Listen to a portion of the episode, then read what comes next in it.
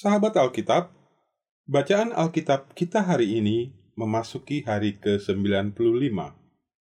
Bacaan pertama terambil dari 2 Petrus pasal 2. Sebagaimana nabi-nabi palsu dahulu tampil di tengah-tengah umat Allah, demikian pula di antara kamu akan ada guru-guru palsu. Mereka akan memasukkan pengajaran-pengajaran sesat yang membinasakan. Bahkan mereka akan menyangkal penguasa yang telah menebus mereka, dan dengan jalan demikian segera mendatangkan kebinasaan atas diri mereka. Banyak orang akan mengikuti cara hidup mereka yang dikuasai hawa nafsu. Dan karena mereka jalan kebenaran akan dihujat. Dan karena serakahnya, guru-guru palsu itu akan berusaha mencari untung dari kamu dengan cerita-cerita isapan jempol mereka. Tetapi untuk perbuatan mereka itu, hukuman telah lama tersedia dan kebinasaan tidak akan tertunda. Sebab jikalau Allah tidak menyayangkan malaikat-malaikat yang berbuat dosa, tetapi melemparkan mereka ke dalam neraka dan dengan demikian menyerahkannya ke dalam gua-gua yang gelap untuk menyimpan mereka sampai hari penghakiman. Dan jikalau Allah tidak menyayangkan dunia purba, tetapi hanya menyelamatkan Nuh, pemberita kebenaran itu, dengan tujuh orang lain ketika ia mendatangkan air bah atas dunia orang-orang yang fasik.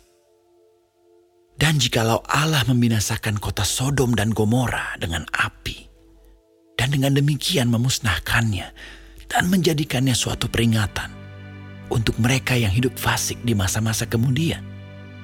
Tetapi ia menyelamatkan Lot, orang yang benar, yang terus-menerus menderita oleh cara hidup orang-orang yang tak mengenal hukum dan yang hanya mengikuti hawa nafsu mereka saja. Sebab orang benar ini tinggal di tengah-tengah mereka, dan setiap hari melihat dan mendengar perbuatan-perbuatan mereka yang jahat itu, sehingga jiwanya yang benar itu tersiksa. Maka nyata bahwa Tuhan tahu menyelamatkan orang-orang saleh dari pencobaan, dan tahu menyimpan orang-orang jahat untuk disiksa pada hari penghakiman. Terutama mereka yang menuruti hawa nafsunya karena ingin mencemarkan diri dan yang menghina pemerintahan Allah. Mereka begitu berani dan angkuh sehingga tidak segan-segan menghujat kemuliaan. Padahal malaikat-malaikat sendiri yang sekalipun lebih kuat dan lebih berkuasa daripada mereka tidak memakai kata-kata hujat kalau malaikat-malaikat menuntut hukuman atas mereka di hadapan Allah. Tetapi mereka itu sama dengan hewan yang tidak berakal.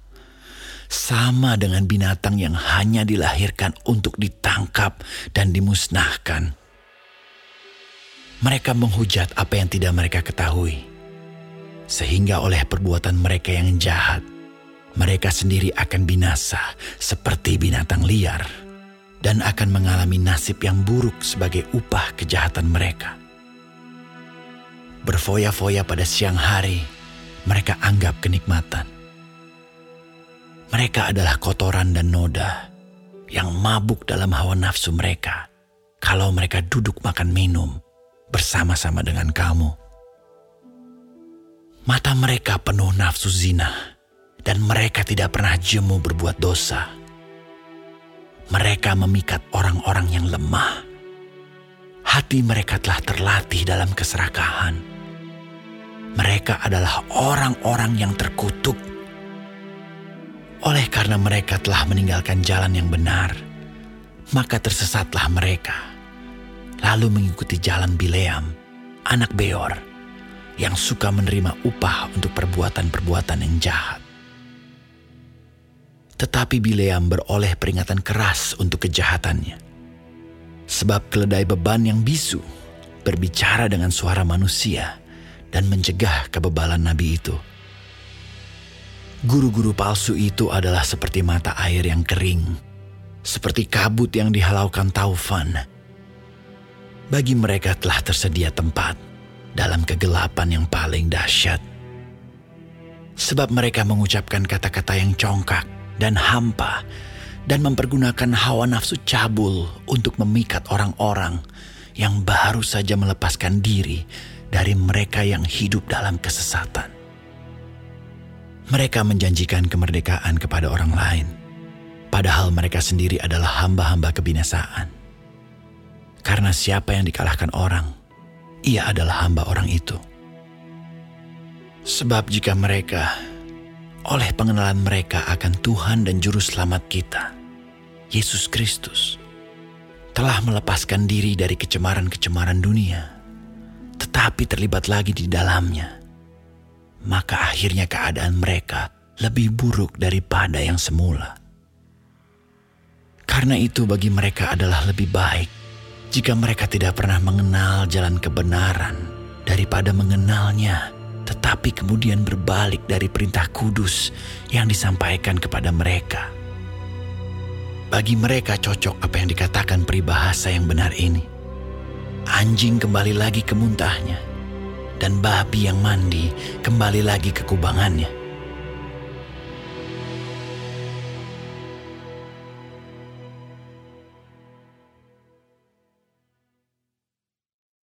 Bacaan kedua terambil dari Yeremia pasal 43 sampai dengan Yeremia pasal 44. Ketika Yeremia selesai mengatakan kepada seluruh rakyat segala firman Tuhan Allah mereka yang disuruh Tuhan Allah mereka disampaikannya kepada mereka yaitu segala firman yang tersebut di atas. Maka berkatalah Azaria bin Hosaya dan Yohanan bin Kareah, serta semua orang congkak itu kepada Yeremia. Engkau berkata bohong. Tuhan Allah kita tidak mengutus engkau untuk berkata, Janganlah pergi ke Mesir untuk tinggal sebagai orang asing di sana tetapi Baruk bin Neria mengasut engkau terhadap kami dengan maksud untuk menyerahkan kami ke dalam tangan orang-orang Kasdim, supaya mereka membunuh kami dan mengangkut kami ke dalam pembuangan ke Babel. Demikianlah Yohanan bin Karya dan semua perwira tentara serta seluruh rakyat tidak mau mendengarkan suara Tuhan untuk tinggal di tanah Yehuda. Lalu Yohanan bin Kareah dan semua perwira tentara itu mengumpulkan seluruh sisa Yehuda, yakni semua orang yang telah kembali dari antara segala bangsa, ke mana mereka telah berserak-serak untuk menetap di tanah Yehuda laki-laki, perempuan, anak-anak, putri-putri raja, dan setiap orang yang telah dibiarkan Nebuzaradan, kepala pasukan pengawal, pada Gedalia bin Ahikam bin Safan, juga Nabi Yeremia dan Baruk bin Neria. Lalu mereka pergi ke tanah Mesir, sebab mereka tidak mau mendengarkan suara Tuhan. Maka sampailah mereka di Tahpanhes. Kemudian datanglah firman Tuhan kepada Yeremia di Tahpanhes, bunyinya, Ambillah di tanganmu batu-batu besar, dan sembunyikanlah itu di tanah liat dekat pintu masuk istana Firaun di Tahapanes, di hadapan mata orang-orang Yehuda itu. Lalu katakanlah kepada mereka, Beginilah firman Tuhan semesta alam, Allah Israel. Sesungguhnya aku mengutus orang untuk menjemput Nebukadnezar, Raja Babel hambaku itu. supaya ia mendirikan tahtanya di atas batu-batu yang telah kusuruh sembunyikan ini dan membentangkan permadani kebesarannya di atasnya. Dan apabila ia datang, ia akan memukul tanah Mesir. Yang kemaut, kemautlah. Yang ketawanan, ketawananlah. Yang kepedang, kepedanglah. Ia akan menyalakan api di kuil-kuil para allah Mesir dan akan membakar atau mengangkutnya sebagai tawanan. Dan ia akan membersihkan tanah Mesir dari kutu-kutu seperti seorang gembala membersihkan pakaiannya dari kutu-kutu. Kemudian ia akan pergi dari sana tanpa gangguan. Ia akan memecahkan tugu-tugu berhala Bet Shemesh yang ada di Mesir dan akan menghanguskan kuil para allah Mesir itu dengan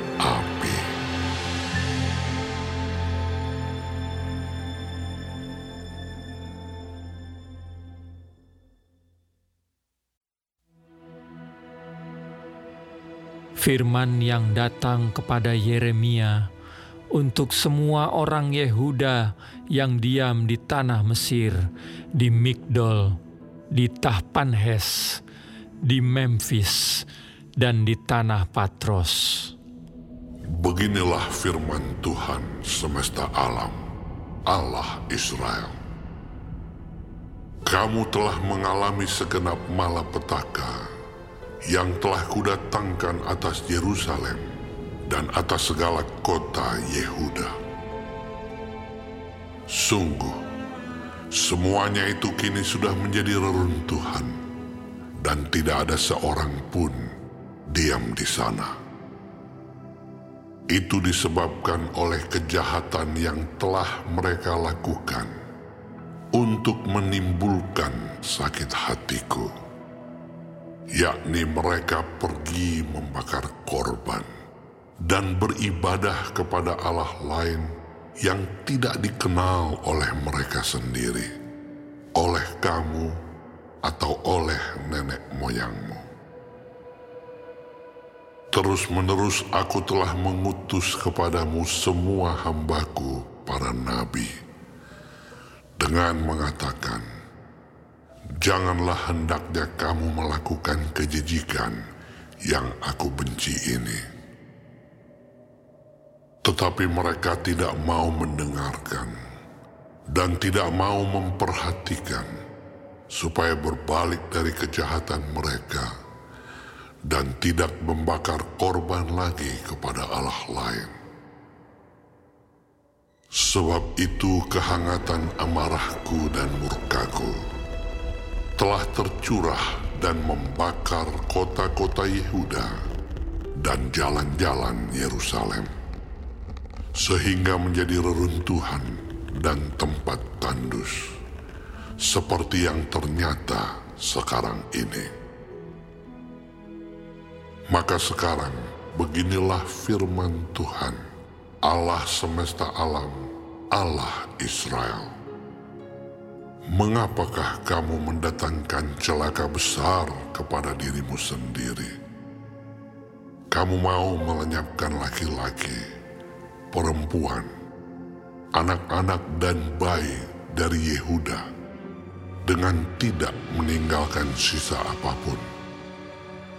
Mengapa kamu mau menimbulkan sakit hatiku dengan perbuatan tanganmu? Yakni membakar korban kepada Allah lain di tanah Mesir yang kamu masuki untuk tinggal sebagai orang asing di sana. Mengapa kamu mau menjadi kutuk dan aib di antara segala bangsa di bumi? Sudah lupakah kamu kepada kejahatan nenek moyangmu? Kejahatan raja-raja Yehuda, kejahatan para pemuka mereka, kejahatanmu sendiri dan kejahatan istri-istrimu yang dilakukan mereka di tanah Yehuda dan di jalan-jalan Yerusalem. Mereka tidak remuk hati sampai kepada hari ini. Mereka tidak takut dan tidak mengikuti Tauratku dan ketetapanku yang telah kuberikan kepadamu dan kepada nenek moyangmu. Sebab itu beginilah firman Tuhan semesta alam, Allah Israel. Sesungguhnya aku mau menunjukkan wajahku terhadap kamu untuk kecelakaanmu. Yakni aku mau melenyapkan segenap orang Yehuda. Aku mau mencabut sisa Yehuda yang berniat hendak pergi ke tanah Mesir untuk tinggal sebagai orang asing di sana. Mereka semuanya akan habis mati di tanah Mesir. Mereka akan rebah mati karena pedang dan akan habis mati karena kelaparan. Dari yang kecil sampai kepada yang besar, mereka akan mati karena pedang dan karena kelaparan, dan mereka akan menjadi kutuk kengerian, kutukan, dan aib. Aku mau menghukum mereka yang diam di tanah Mesir, sama seperti aku telah menghukum Yerusalem, yaitu dengan pedang, dengan kelaparan, dan dengan penyakit sampar. Sehingga dari sisa Yehuda yang telah pergi ke tanah Mesir, untuk tinggal sebagai orang asing di sana. Tidak ada seorang pun yang terluput atau terlepas untuk kembali ke tanah Yehuda. Ke mana hati mereka sangat rindu untuk diam di sana lagi. Sungguh, mereka tidak akan kembali, kecuali beberapa orang pengungsi. Lalu menjawablah kepada Yeremia, semua orang laki-laki yang tahu bahwa istri mereka membakar korban kepada Allah lain, dan semua perempuan yang hadir di sana, suatu kumpulan yang besar, yakni segala rakyat yang diam di tanah Mesir dan di Patros, katanya, Mengenai apa yang kau katakan demi nama Allah kepada kami itu, kami tidak akan mendengarkan engkau. Tetapi kami akan terus melakukan segala apa yang kami ucapkan, yakni membakar korban kepada Ratu Sorga dan mempersembahkan korban curahan kepadanya, seperti telah kami lakukan. Kami sendiri dan nenek moyang kami dan raja-raja kami dan pemuka-pemuka kami di kota-kota Yehuda dan di jalan-jalan Yerusalem. Pada waktu itu, kami mempunyai cukup makanan. Kami merasa bahagia dan tidak mengalami penderitaan. Tetapi sejak kami berhenti membakar korban dan mempersembahkan korban curahan kepada Ratu Sorga, maka kami kekurangan segala-galanya dan kami dihabiskan oleh pedang dan kelaparan.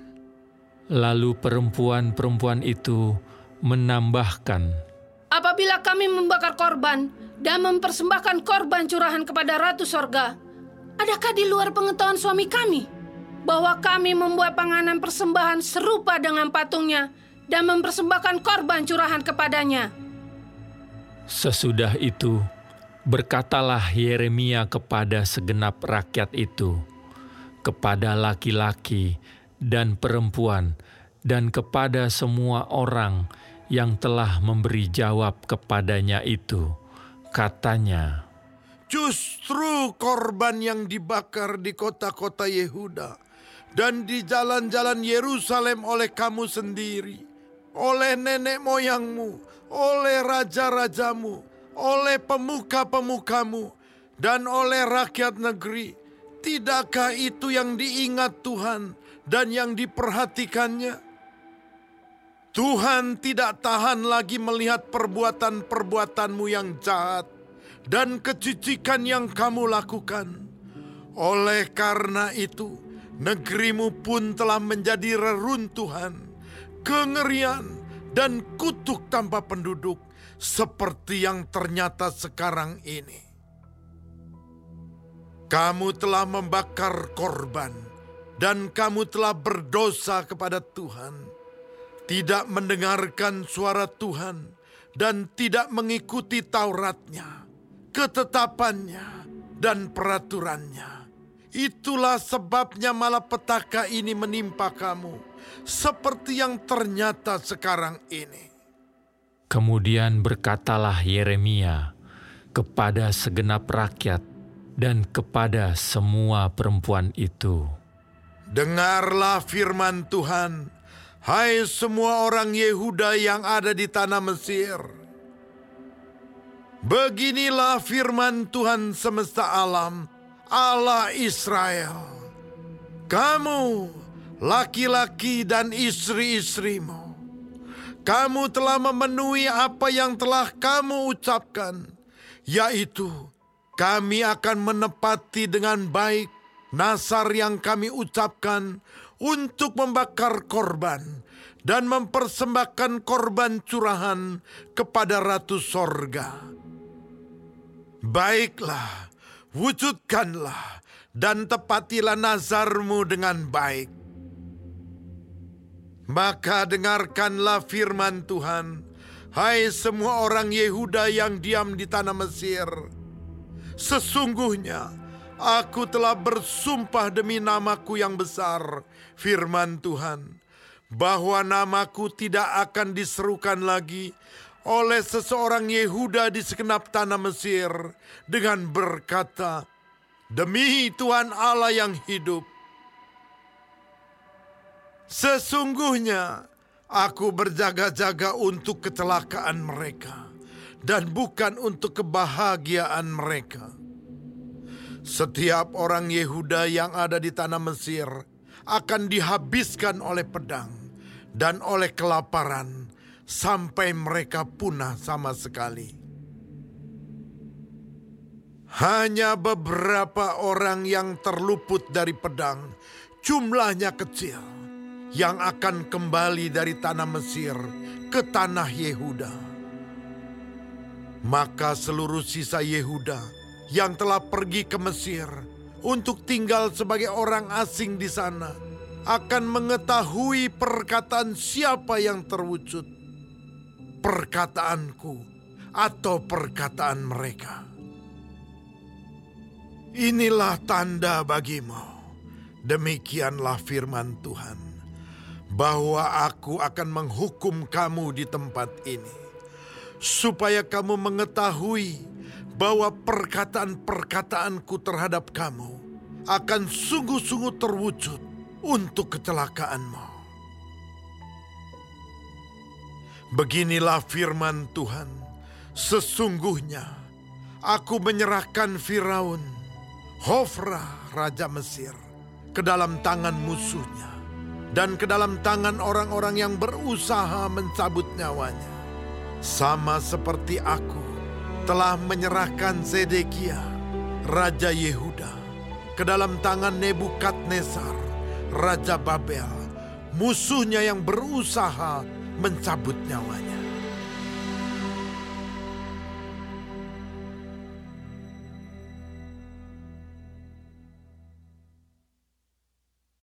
Bacaan ketiga terambil dari Mazmur pasal 140. untuk pemimpin biduan Mazmur Daud. Luputkanlah aku ya Tuhan daripada manusia jahat. Jagalah aku terhadap orang yang melakukan kekerasan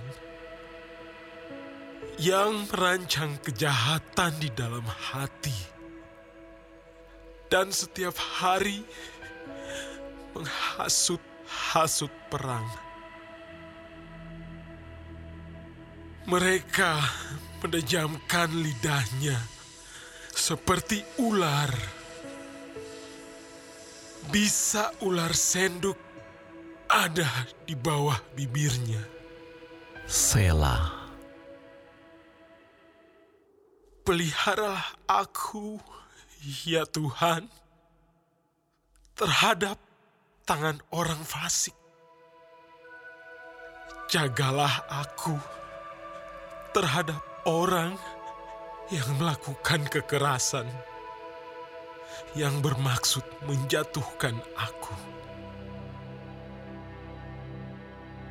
Orang congkak dengan sembunyi memasang jerat terhadap aku. Dan mereka membentangkan tali-tali sebagai jaring di sepanjang jalan. Mereka menaruh perangkap terhadap aku. Selah. Aku berkata kepada Tuhan, Allahku, Engkau, berilah telinga ya Tuhan kepada suara permohonanku. Ya Allah, Tuhanku, kekuatan keselamatanku.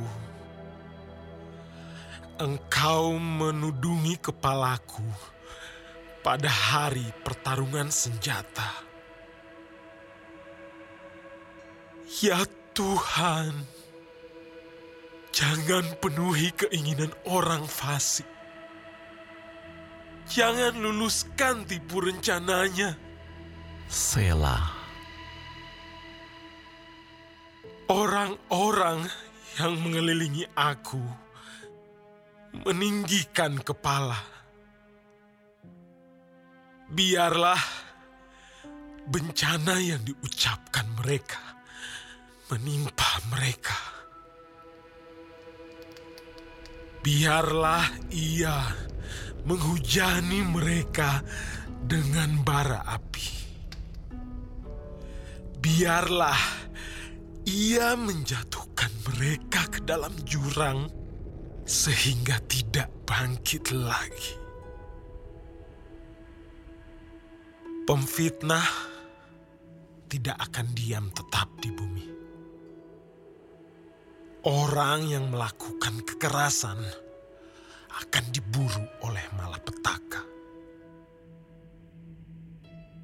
Aku tahu bahwa Tuhan akan memberi keadilan kepada orang tertindas dan membela perkara orang miskin. Sungguh,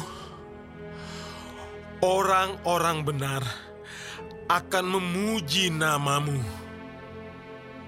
Orang-orang yang jujur akan diam di hadapanmu.